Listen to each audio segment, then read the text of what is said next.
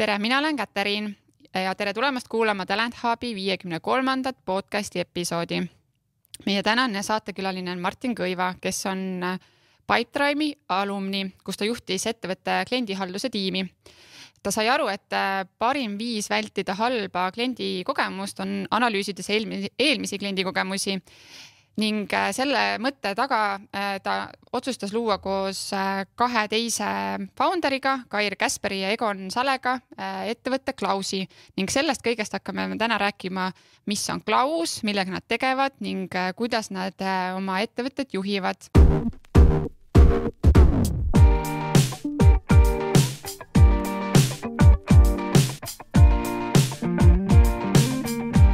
tere tulemast saatesse, Martin tere! enne kui me nüüd hakkame sukelduma Klausi teekonda, et kas sa räägid meile natukene iseendast, et äh, kes on üldse Martin Kõiva?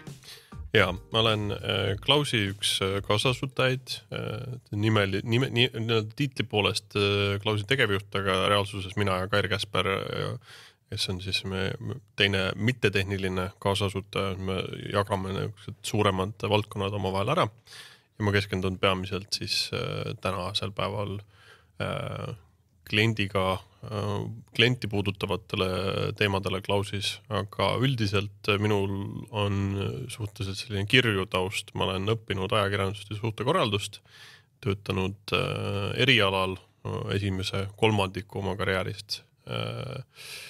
Kunagi oli selline, tähendab siiamaani eksisteerib äh, natuke teises vormis, aga tol ajal oli PR firma Jugast, Liiva ja Seiman, siis see oli minu esimene nii-öelda päris töökoht.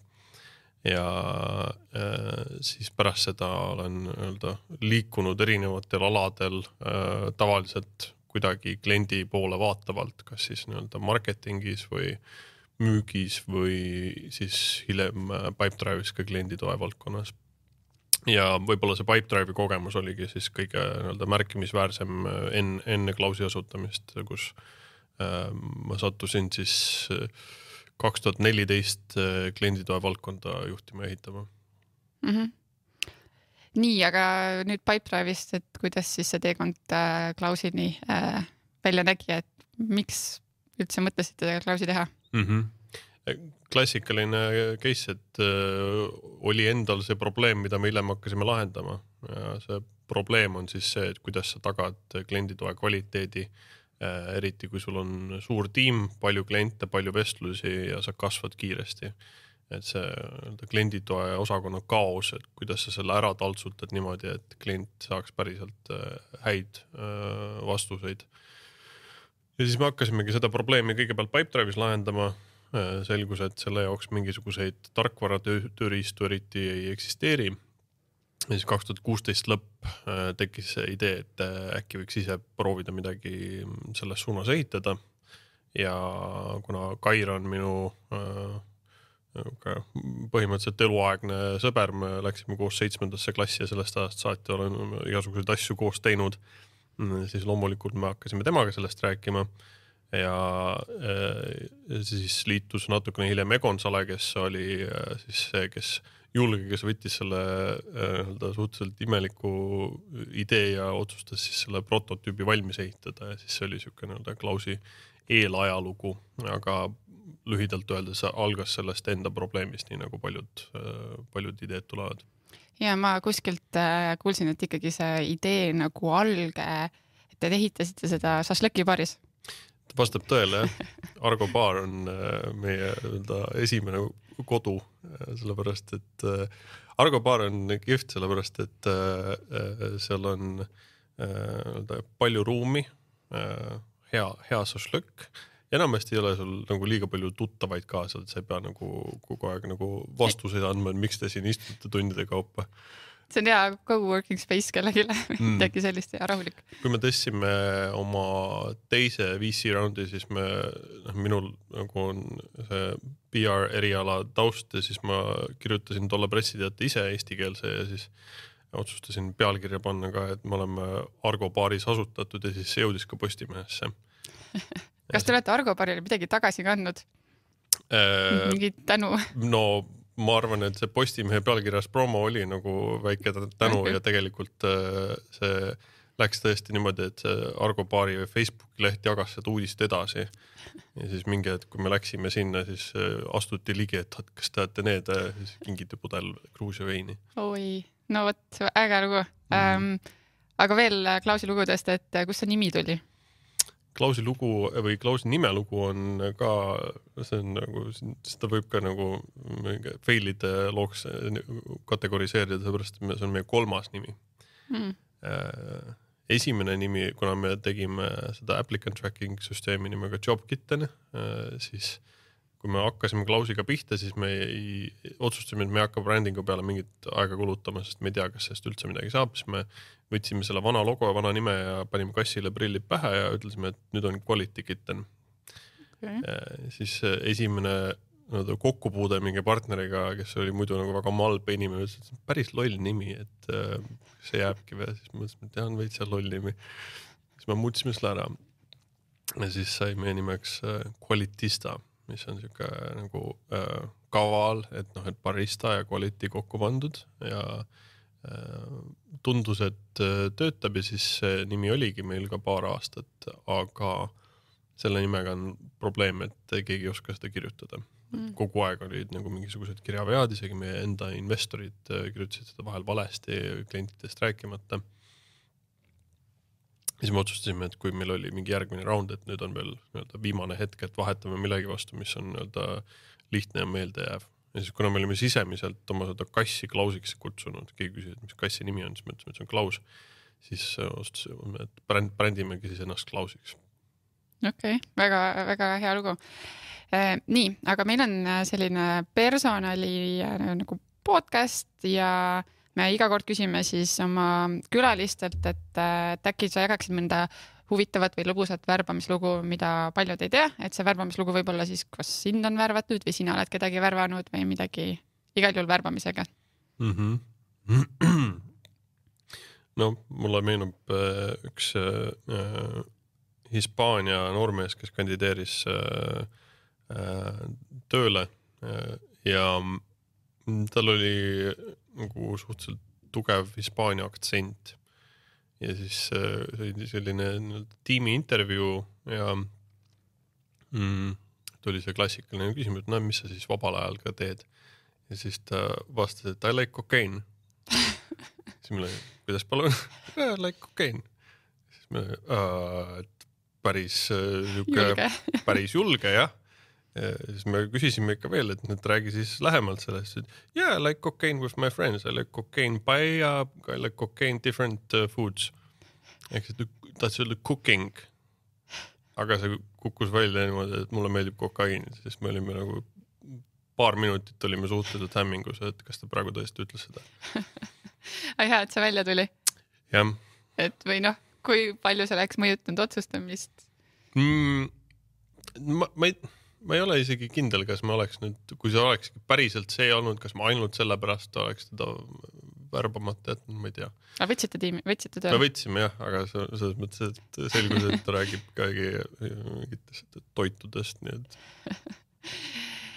nii ja järgmine selline klassikaline küsimus, et ähm, et, et maailmavaadet äh, et kindlasti sul on ka siuke hästi lai maailmavaade, et, et mis on näiteks üks trendidest, mida sina näed, mis on maailma muutev äh, hetkel hmm. käimas? ma arvan, et see ei ole nagu originaalne vastus, aga kuna me ise oleme selle sees, siis kindlasti see, et nii-öelda kaugtöö normaliseerumine mm. -hmm. ega see ei ole ju tegelikult uus asi, ma arvan, et kümme-viisteist aastat on eksisteerinud äh, kaugtööpõhiseid ettevõtteid. aga nüüd pärast Covidit on see ikkagi nagu mühinal normaliseerumas ja inimesed saavad aru, et see tegelikult ei ole nagu mõistlik viis elu elada, et kui sa oled kuskil suurlinnas ja sa veedadki nagu mingi kolmandiku oma päevast commute ides, et see nagu ei ole tegelikult kellelegi hea mm. -hmm.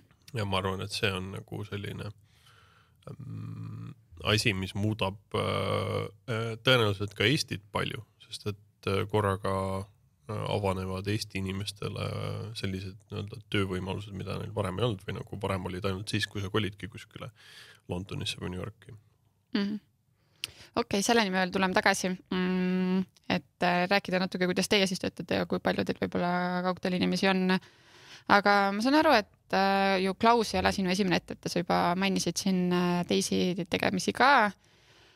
Ja, ja sa oled üldse olnud ju Pipedrive'is ka, et kindlasti sul ettevõtet asutades oli ka oma mingi mõte, millist ettevõtet sa luua tahad, et äh, mis oli võib-olla sinu idee sealjuures, et, et ja ma saan mitte nüüd vaadates ideest kaugemale, et idee on muidugi suur ja see oli probleem, aga ma mõtlen just nagu kultuuriliselt ja selliselt töötaja vaatest võib-olla rohkem mm. -hmm. ja, ja seal on jälle see, et äh, noh, see oli minu ja Kairi äh, ma arvan, selline suuresti jagatud äh, vaade ja kuna ka tema töötas veel kauem, isegi veel varem ja veel kauem töötas Pipedrive'is, siis nagu see on nagu väga tugevalt mõjutanud. ja nii kui oli selge, et sellest saab nüüd päris asi, siis me istusime ka maha ja panime kirja oma nii-öelda need põhiväärtused. seda me tegime enne seda, kui ei ole, meil ei olnud ühtegi töötajat siis veel. Äh, ja meil on viis põhiväärtust Äh, esimene on äh, see, et results not excuses ehk siis, et nagu tulemuste saavutamine on ikkagi kõige alus nagu nende poole püüdlemine. teine on go we trust you ehk siis, et see peab olema usalduslik keskkond, et kui sa saad nagu meie sellest kadalipust läbi ja sa päriselt oled värvatud, siis see tähendab, et me usaldame sind ja sa peaksid seda eeldama. kolmas on uh, do it for the customer, see ei ole nagu ka ilmselge tegelikult, et mm, noh, tootetiimides sageli võib, võib juhtuda, et nii-öelda inimesed tõusevad ära veits, et nad arvavad, et nad teavad paremini ja et neil on nagu mingisugune äh, röntgennägemine nagu ja nad tegelikult saavad kõigest paremini aru kui klient ja seda ei ole vaja nagu kuulata, aga tegelikult see võib kergesti viia nii-öelda kuskile väga valesse suunda sind siis on get to the point but don't be a dick ehk siis see balanss sellest, et sa peaksid suhtlema otsekoheselt, aga mitte olema jobu mm. -hmm. et äh, see, see, see on nagu, mõlemad pooled on hästi olulised.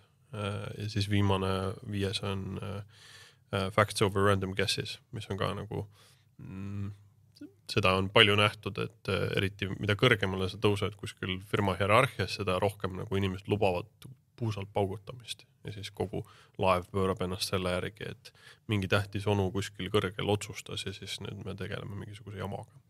et otsused ja suunised peaks põhinema millelgi, et see mi miski võib olla nii-öelda äh, selline kaalutletud äh, pakkumine ja võib-olla sul ei ole lihtsalt andmeid, aga nagu see ei tohiks olla, noh, sa peaks püüdlema selle poole, et see paugutab usalt lihtsalt mm. -hmm ja panite need kohe alguses paika ja, ja need siiamaani kestavad, et midagi nagu otseselt muutnud ei ole või, või on? me oleme, neil on nagu see, kuidas nad nii-öelda manifesteeruvad meil nii-öelda igapäevaelus on see, et nad on meil meie sisemises wikis väga kesk, kesksel kohal, onboarding us kesksel kohal, me teeme nagu pidevalt äh, uutega neid äh, siukseid sessioone, kus me nendest räägime ja me oleme nendele kirjutanud nagu siuksed teksti, lühikesed selgitavad tekstid juurde, me oleme seal natukene sõnastust muutnud, aga nagu need viis on alati samad paigas olnud, me oleme sinna nagu täpsustusi teinud, aga põhimõtteliselt nad ei ole muutunud mm. -hmm. on mingisugused nii-öelda ütleme mitteametlikud asjad võib-olla juurde tekkinud, millest me nagu räägime väga palju, et võib-olla noh, mingi hetk peaks kaaluma, et siis neid lisada sinna Äh, aga need viis on alati paigas olnud.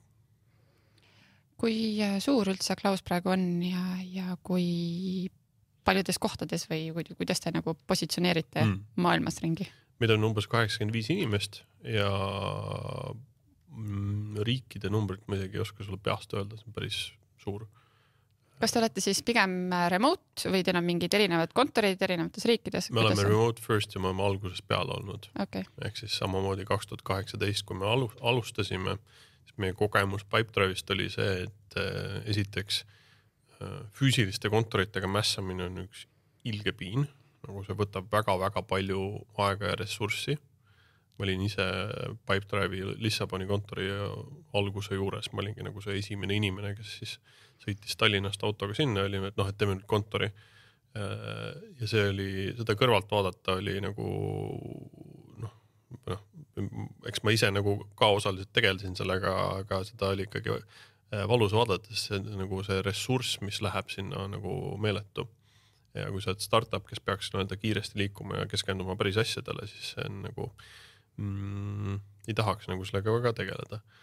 Ja meie lahendus on siis see, et me oleme nii-öelda remote first, mis tähendab, et meil on Tallinnas kontor, meil on äh, Lissabonis, Barcelonas äh,. kus veel?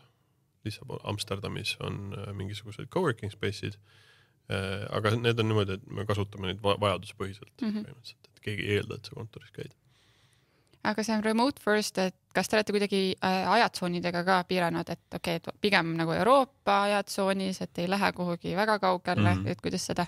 me oleme, me proovisime olla Euroopas nii kaua kui võimalik, aga nüüd tegelikult ähm, Äh, sellest aastast meil on äh, esimesed inimesed äh, Ameerika ajatsoonides ka, et noh mm, -hmm. nüüd me lõpuks jõudsime sinna, et on nagu möödapääsmatu, me võtame USA, ütleme tegelikult mitte USA, täpsemalt on meil Kanadas ja Mehhikos mm, -hmm. aga Ameerika ajatsoonidesse inimesi mm, -hmm. see on nüüd siis esmakordne si, siiamaani me hoidsime seda niimoodi, et pluss-miinus Euroopa ajatsoonid mm. -hmm.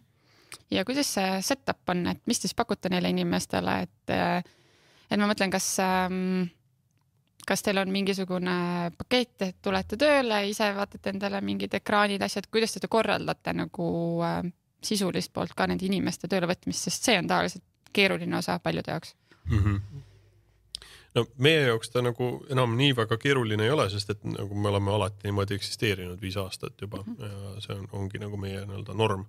aga praktilise poole pealt see on nii-öelda personali inimeste mm -hmm. nii-öelda äh, valdkond, meil oli vahepeal tegelikult ka äh, inimene, kes äh, oli põgusalt, oligi siis head of remote rollis mm -hmm. lausa äh,, aga noh, nii-öelda üldiselt äh, on see ikkagi nagu siis personali mm -hmm. äh, äh, eriti tubli, tubli personalijuht äh, Kadri Nellis, kes äh, nagu seda korraldab ja äh, see, see on tänaseks paika loksunud, sul on mingisugused kindlad onboarding äh, kavad, äh, mingisugused partnerid, kes saadavad välja vajalikud nii-öelda mingisugused arvutid ja seadmed mm. -hmm. sul on väike toetus selleks, et kui sa tahad omale kodus mingit setup'i teha, siis nii-öelda sa saad selle nii-öelda tšeki vastu siis mm -hmm. raha tagasi ja mm, ega ma nagu liiga palju ei oska sellest praktilisest poolest rääkida, sest ma täna sellega ise nagu kokku yeah. ei puutu, aga tundub, et toimib ja äh, see on, see on juba mõni aeg paigas olnud mm. -hmm. ma arvan ka, et, et kui te olete juba nii suureks kasvanud, siis ilmselt neid päris häid praktikaid on seal äh, teil juba kujunenud. aga räägime natuke brändingust ka, et teil on, ähm, ütleme, see on kindlasti, mis asi äh, Klausis nagu välja paistab, et äh, te teete brändingut või turundust hoopis nagu teistmoodi, et äh, ja sinu enda taust, äh, ma saan aru, ongi sihuke nagu muidugi kommunikatsiooni pool äh, vist on ju, et, et kuidas see tuli teieni, et see olla teistsugune ja, ja mm. miks te seda nii teete? no esiteks peab ära märkima, et mm, see nii-öelda päriselt puhtalt turundustaustaga on Kair hoopis okay. vend mina olen ka vahepeal turundusega tegelenud, aga nagu tema on puhtalt turundustaustaga, tal oli, oli ka selline digiagentuur nimega Vurr mm, -hmm. mis ta äh, vanasti tegigi igasuguseid äh, väga silmapaistvaid asju.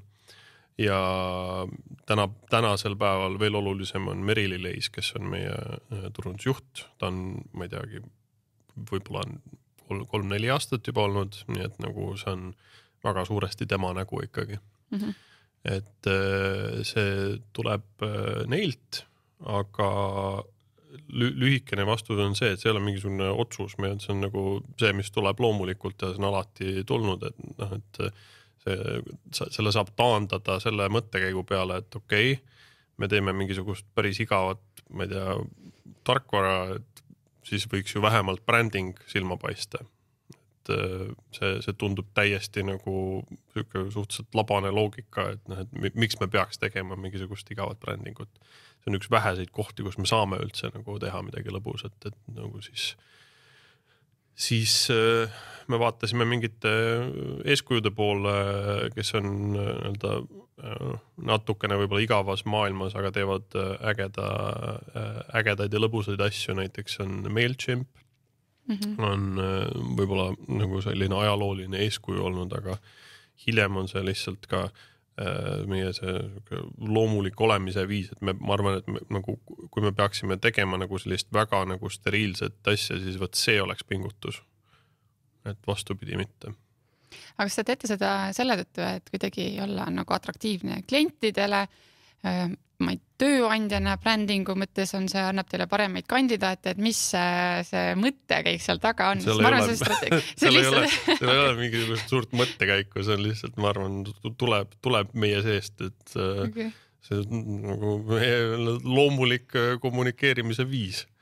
et selle, siin ei ole mingisuguseid äh, Äh, brändingu agentuure või meeletuid sessioone, vaid sest ei ole siis personasi paika pandud, et nüüd nendele need, saadame ei. need kroksid ja neile saate paneme need meemid ette no,. võib-olla nüüd on, aga nii-öelda lõppude lõpuks see tuleb lihtsalt sealt mm., et nagu nagu mingisugused lihtsad uh, turunduse põhitõed, et sa peaksid eristuma.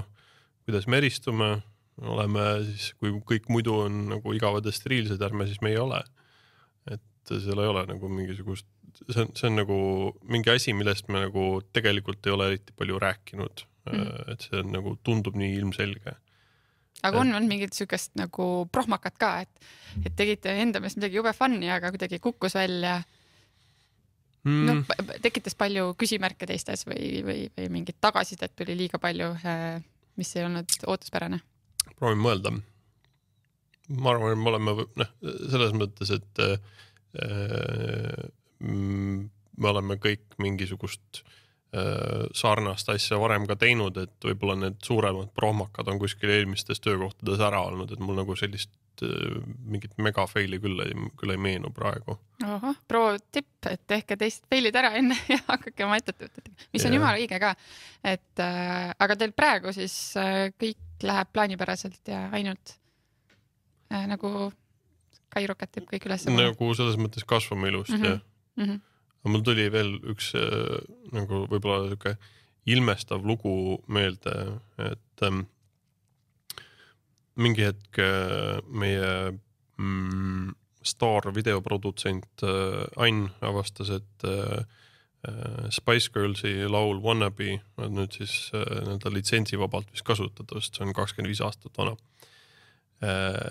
ja siis ta vist rääkis Meriliga ja pakkus, et äkki teeks nagu sellise nagu Spice Girlsi nagu sellise tribute video, et kus need on nagu midagi nagu karaokelikult umbes nende laulusõnad jooksevad meie äpis ja siis kuidagi nii-öelda Spice Girlsi kihvidega nagu mängitud nagu selline natuke nagu animeeritud video.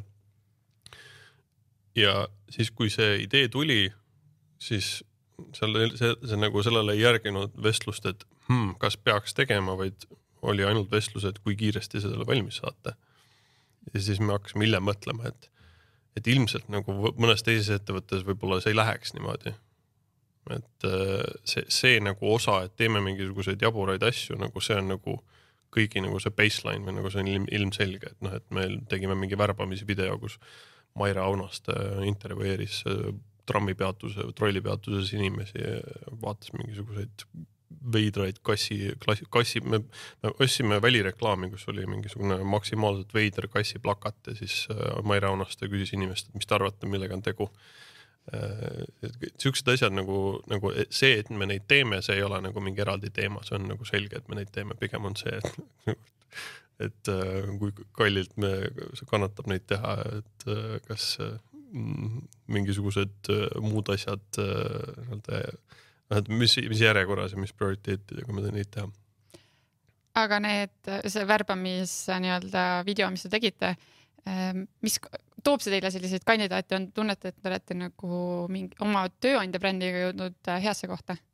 ma arvan küll, jah et äh, kandidaadi nagu kvaliteet ja inimesed tahavad tulla teile tööle, nad teavad nagu selle brändingu sellega tõttu. läheb meil päris hästi mm. -hmm. Um, mis uued plaanid on siis äh, veel tööandja või brändingu mõttes? On teil midagi uut crazy't ka tulemas mm,? no see Croxi projekt oli nagu sihuke viimane äh,. aga mõtlen. räägi sellest e,. jaa, meil, meil, meil on just lansseeritud Klausi Croxid ja ma saan aru, et Merili värbas sinna mm, mingisuguse tippmodelli, kes on suurte maailmakuulsate brändide modell olnud ja et mõned inimesed arvasid, et see on mingi stokkfoto, aga tegelikult see on nii-öelda reaalne photoshoot Klausi kroksidega kuskil Tallinnas või Tallinnas. ja. ja selle eesmärk, miks te tegite seda, seda Kroksi kampaaniat? miks mitte, samamoodi kui me, meil on ka Klausi sokid, mida me oleme tänaseks tootnud ja välja jaganud tuhandete kaupa, on äh, nii-öelda äh, sellises äh, mm, kilukarpis põhimõtteliselt lõhnastatud kassipildiga sokid ja. kassilõhnaga või kilulõhnaga või mis lõhnaga? no vot, see on niimoodi, et ma, ma olen üheksakümnest on hea lõhnaga, siis üks, üks on nagu päriselt kilu äh, aga mingi hetk, need, see oli nagu konverentsidel nii kuum kaup, mm. et äh, inimesed seisid järjekorras ja nii-öelda saatsid äh, teineteisele vihjeid, et kuule, mine võta sealt neid sokke, need on kõige ägedamad ähm,. mingi hetk tekkis olukord, kus äh, äh, mingisugusest äh, piirist alates sa pead nii-öelda oma nii-öelda board member eid, investoreid siis informeerima, et me teeme nüüd sellise kulutuse ja siis, kui Kair, Kair otsustas, et on, on aeg tellida hulgi sest et me lihtsalt teeme neid, toodame neid nii palju ja niimoodi odavam ja siis, kui ta teatas juhatusele ja rahvusvahelistele VC-dele, me nüüd tellime kolmekümne tonni eest äh, kassipildiga lõhnastatud sokke, siis kõik olid, jaa, muidugi, kaval, tubli töö. et see oli ka selline moment, kus ma mõtlesin, et vaat mõnest mõnes firmas see vist ei läheks niimoodi mm.. okei okay,, nii et teil on siuke nagu noh, mindset või ku kuvand, et, et see kõik saavad aru, et see bränding on ka osa Klausist, et, et see käib asja juurde, et keegi ei küsigi. aga ma arvan, et see on ka selle, et see nagu fun osa iseloomustab kogu teie kultuuri ka. et kui sa ütled, et seda isegi ei küsita, et siis see on nagu, nagu, et see ühendab inimesi ja toob neid kokku kas mul võib olla siin õigus? ja ei, ma arvan, et see on kindlasti nagu suhteliselt keskne osa ja ma arvan, no see ei ole nagu kuskile nagu sisse kirjutatud, aga noh, kui me vaatame nagu mingisuguseid erinevaid Klausi igasuguseid traditsioone ja noh, sisemisi üritusi ja niisugune nagu huumor on seal suhteliselt keskne osa, et äh, me mm, pigem ei võta nagu asju väga tõsiselt. on see kuidagi äh, kurjasti ka kätte maksnud või? ei tea küll, et oleks. aga mis te siin üritustel, mis teil on siuksed klassikalised asjad, mida te teete äh,? Et ma ei tea, on teil mingid, on suvepäevad, talvepäevad, on teil veel midagi, et kui teil on remote tiim, et kuidagi toota inimesi rohkem kokku või? no remote tiimi see, mm, see suur saladus, et kuidas remote tiimi äh, nii-öelda äh, heal tasemel hoida ja kultuuri hoida, on see, et tegelikult tuleb palju kokku saada.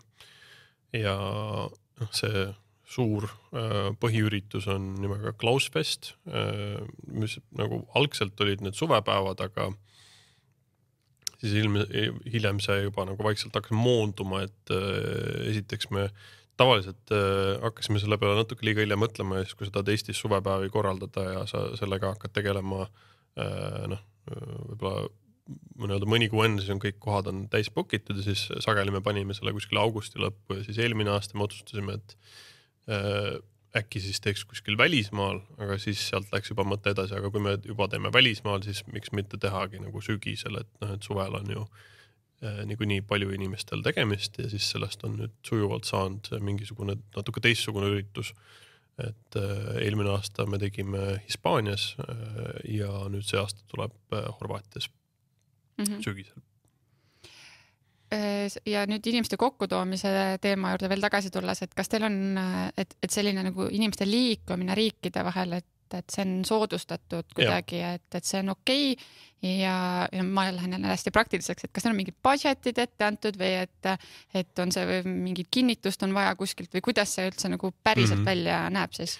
ja meil on mingid budget'id per tiim äh, ja mingid siuksed suunised, et noh, et stiilis, et võiks vähemalt kord, kui ta teeb remote, siis võiks vähemalt kord kvartalis kokku saada või midagi sellist äh,. Praktikas muidugi paljud tehnilised inimesed äh, on, ongi Eestis, et siis nagu jääb see reisimise osa ära, küll aga me toome siis nagu, kui on mõni üksik äh, inimene kuskil mujal, siis toome nad Eestisse.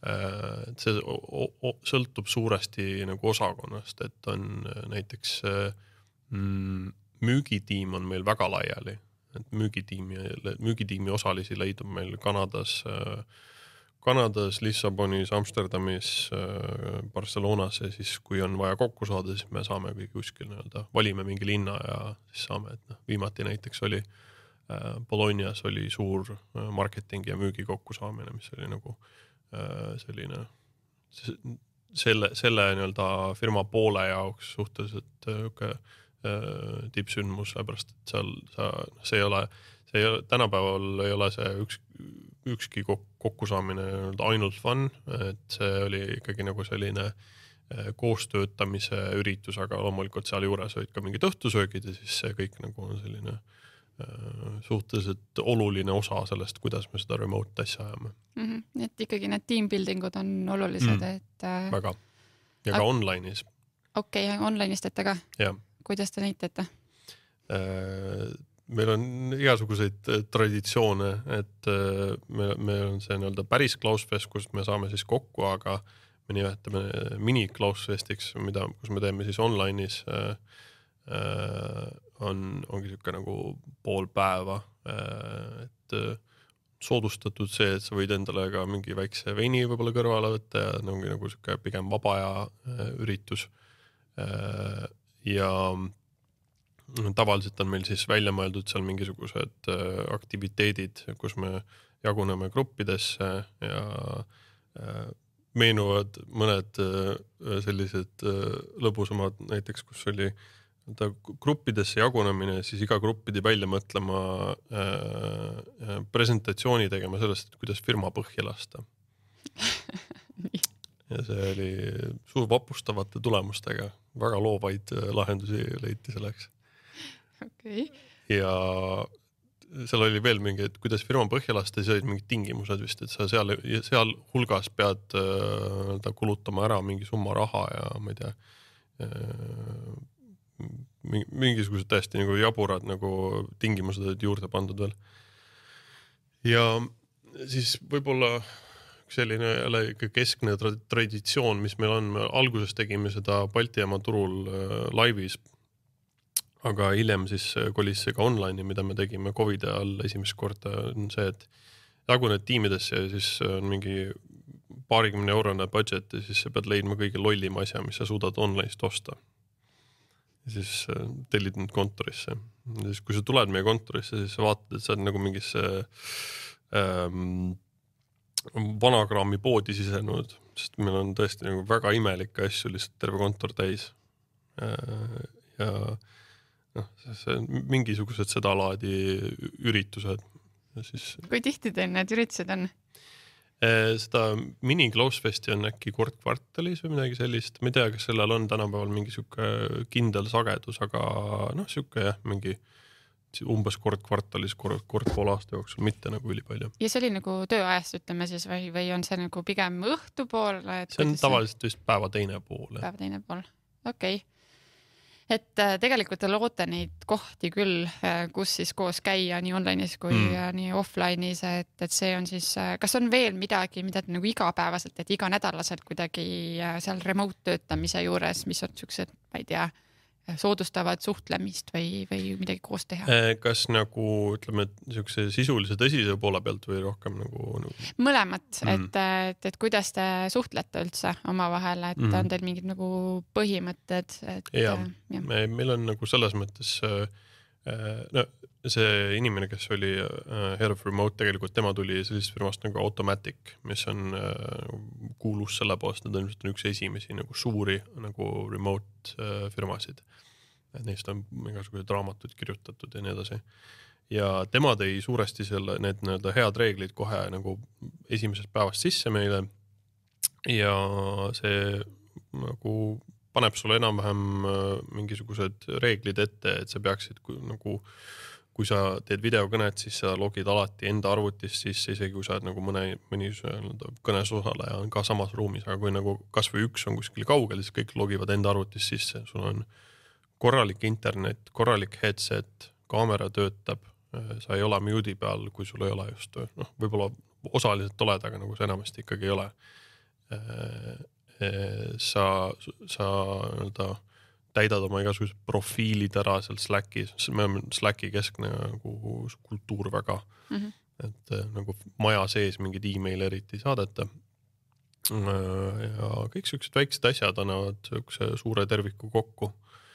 ja, ja noh, lisaks sellele, et kuidas meil on nagu praktiliselt mingisugused Slacki kanalid organiseeritud, siis on igasuguseid nii-öelda äh, vaba aja asju ka Slackis, et ma ei tea, meil on, ma arvan, sadu kanaleid Slackis, kus nagu räägitakse mingitest mittetöö asjadest, alustades arhitektuurist, lõpetades nii-öelda äh, lapsevanemaks olemisega.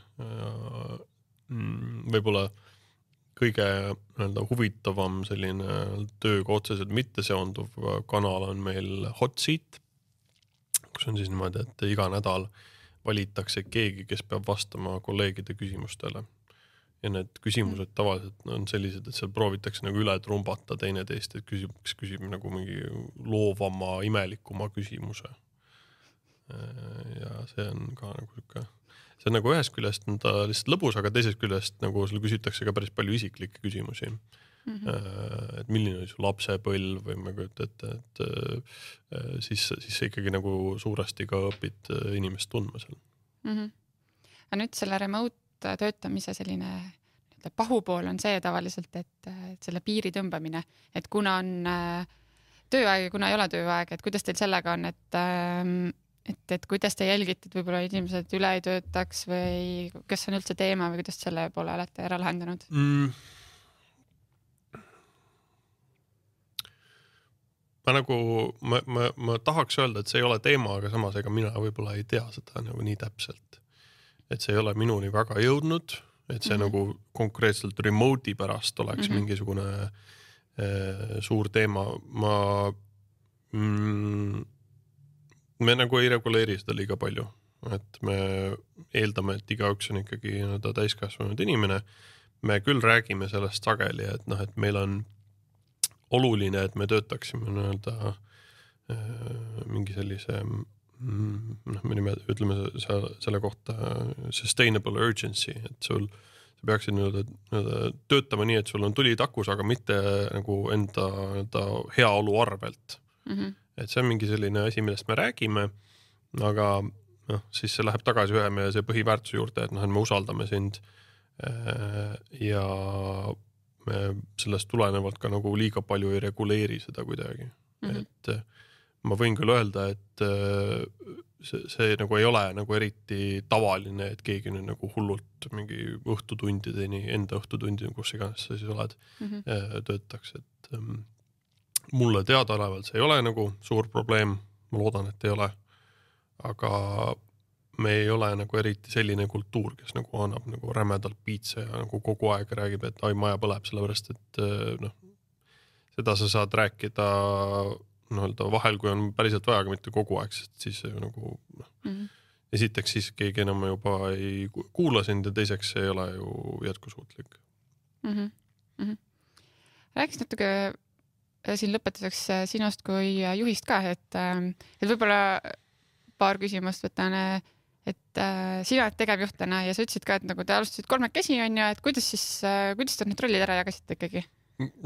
alguses see jagunes väga lihtsalt, sellepärast et kuna Kair pidi veel öö, äh, oma äh, vanal töökohal veidi aega jätkama ja öö, see ei olnud ka nagu alguses ei olnud see mõistlik, sellest kuna nagu mina ja tema ei ole, ei ole kumbki nagu tehniline inimene, et kahele mittetehnilisele tüübile palka maksta et äh, mina nii-öelda sattusin sellesse rolli, aga reaalsuses täna me ikkagi oleme suhteliselt nii-öelda fifty-fifty, jagame igasugused äh, olulisemad teemad omavahel ära ja siis noh, no, mhm. mingi sihuke tandemine mm. -hmm.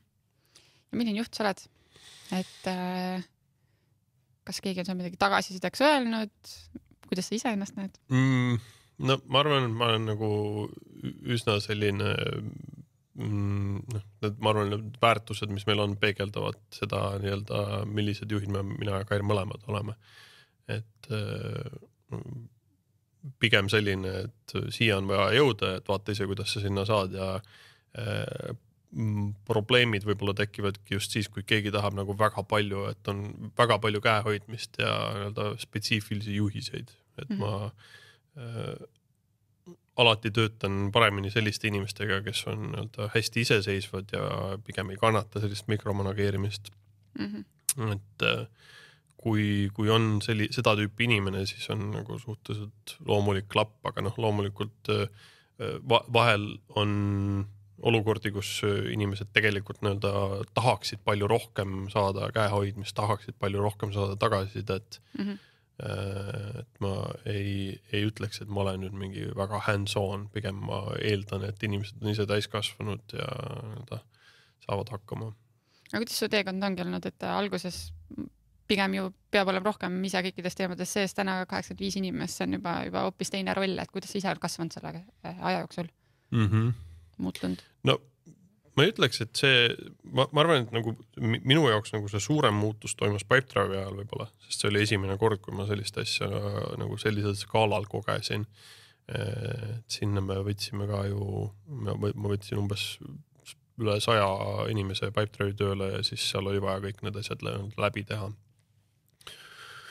et ähm, see on olnud nagu äh, huvitav nagu äh,, nagu selline mm, režiimide vahetamine, sellepärast et äh, ma läksin Pipedrive'i, siis sel hetkel oli tiimis vist seitse inimest ja see oli nagu väga lähedal ikkagi nagu nii-öelda selle nii-öelda üksik, kuidas eesti keeles on üksik panustaja siis mm -hmm. nagu ähm, tööle ja siis nagu oli vaja sinna mingisuguseid kihte vahele tekitada ja siis nii-öelda, kui sa oled lõpuks äh,, ma ei tea, palju, kuuskümmend, seitsekümmend inimest konkreetselt seal klienditoe valdkonnas, siis on sul mitu kihti vahel ja sa ise nagu, nagu tööd otseselt ei tee, et sinu töö ongi nende suunamine ja siis mingi hetk oli see ka juhtide juhtimine mm. -hmm kui Klaus algas, siis see läks nagu täiesti nagu sinna mikrotasemele tagasi, meil ei olnudki mitte kedagi.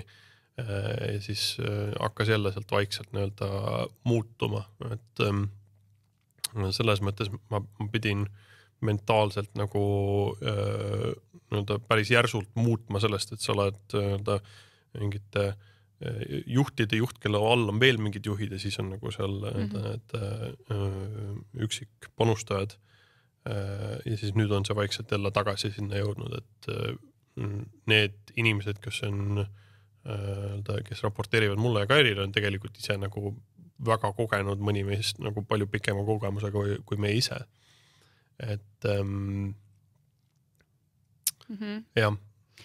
nüüd ma küsin siia sellise ähm, viimase küsimuse, enne kui ma lähen kahe viimase juurde.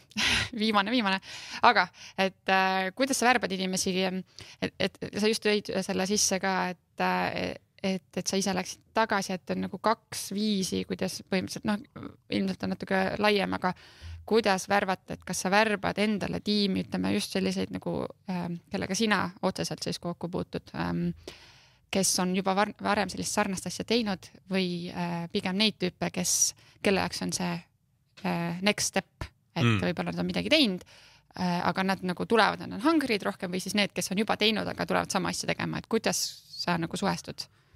see oleneb hästi palju sellest äh, konkreetsest rollist mm. -hmm. et mm, kui me vaatame mingeid natuke nagu juuniorimaid rolle, siis kindlasti nagu me ei otsi seda, et oleks nagu seda täpselt sama asja teinud, see võib-olla ei ole isegi võimalik Äh, kui me vaatame meie igasuguseid juhte, on CTO Joonatan Mägi, kes on, ma ei tea, viisteist aastat või rohkem kogemusega, siis ta on seda nagu teinud varem, ta, aga ta ei ole vist CTO konkreetselt olnud, kui ma ei eksi. Äh, mm, siis on meie nii-öelda VP of Sales Bob, kes on juhtinud ei, tema ikka ka on põhimõtteliselt seda teinud natukene väiksemas startup'is, mis hiljem siis osteti suurema poolt ära. aga noh, põhimõtteliselt vist läheb see jah niimoodi, et kui on tegemist nagu seeniori, seenior rolliga, siis nagu me ikkagi eeldame, et ta nagu enam-vähem, vähemalt sisuliselt, võib-olla mitte tiitlipoost, aga sisuliselt on sedasama asja ikkagi teinud. okei okay., ja miks ma küsin seda, sest et see ongi äh, tihtilugu, mida mina nagu kõrvalt värbajana olen näinud, et võetakse täpselt sama asja teinud inimene, nende motivatsioon langeb, sest nad ei viitsi teha sama asja juba. et nad on juba ühe korra selle läbi teinud, et kui pole just mingit väga suurt, no ütleme, et sa oled founder on ju, et see on sinu ettevõte, et sa näed nagu mingit perspektiivi, aga kui sa tuledki VP of Sales'iks äh, ma ei tea, Airbnb-st ja siis hakkad tegema sedasama asja teises kohas, et see nagu excitement ei ole või seda valu ei ole, et sellel, kes on nagu, kellele see natuke suurem amps ja ta näeb perspektiivi, kuidas see saab nagu veel suuremaks yeah., siis see on nagu huvitavam. Ja, no kui me võtame sellesama näite, siis äh, Bob äh,, kelle värbamine muuseas kestis meil mingi väga-väga kaua, me otsisime teda mingi kümme, kümme kuud nagu nonstop nagu intensiivselt headhunt isime äh, lõpuks nagu siis värbajaga.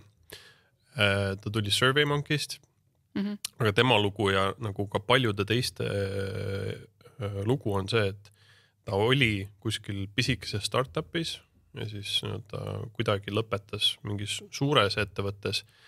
aga talle seal suures nagu see keskkond enam ei meeldinud ja siis ta tahtis tagasi mm -hmm. nagu sellesse mm -hmm. nii-öelda mm, pisemasse tiimi, kus kõikide, kõikidel su tegevustel on otsene mõju, sul on rohkem kontrolli Mm -hmm. ja rohkem ka võib-olla mingit upside'i, et kui firma, firmal läheb hästi, et see mm -hmm. nagu mudel on küll toiminud, et ma olen nõus, et kui me prooviksime näiteks värvata kedagi, kes ongi nii-öelda, kellel on nii-öelda see e, põhiolemus on see, et ta on mingi suure firma müügijuht ja siis me võtame ta nii-öelda täpselt sama asja tegema tagasi e, või nagu tegema sama asja, aga nii-öelda väiksemal skaalal, see ilmselt ei töötaks mm. -hmm. aga see, et keegi on seda kunagi teinud, hetkel enam mitte, aga ihaleb seda nii-öelda mm -hmm. pisikese tiimi nii-öelda vibe'i nagu see on küll nagu toiminud mm -hmm.. okei okay nii, nüüd need lubatud kaks viimast küsimust, need on siuksed kiired küsimused tegelikult, et kiire vastus sinu poolt ka, et mis mõte pähe tuleb, siis selle võid kohe öelda. nii, kes on üks inimene, kes sind äh, inspireerib hmm.?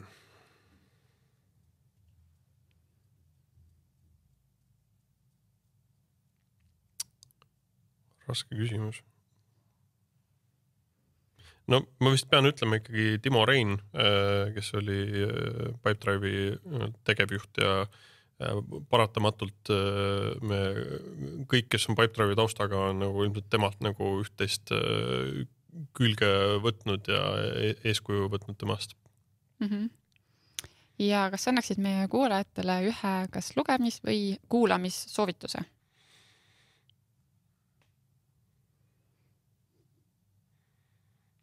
Ma arvan, et äh, kui inimestel on sellise startup teekonna vastu huvi, siis on Ben Horowitz'i uh, Hard Thing About Hard Things uh,, selline raamat, mida ma olen päris mitu korda uuesti, uuesti lugenud, et see kirjeldab neid uh, põhilisi väljakutseid, mis sul võib startup'i founder'ina tulla päris hästi mm. -hmm.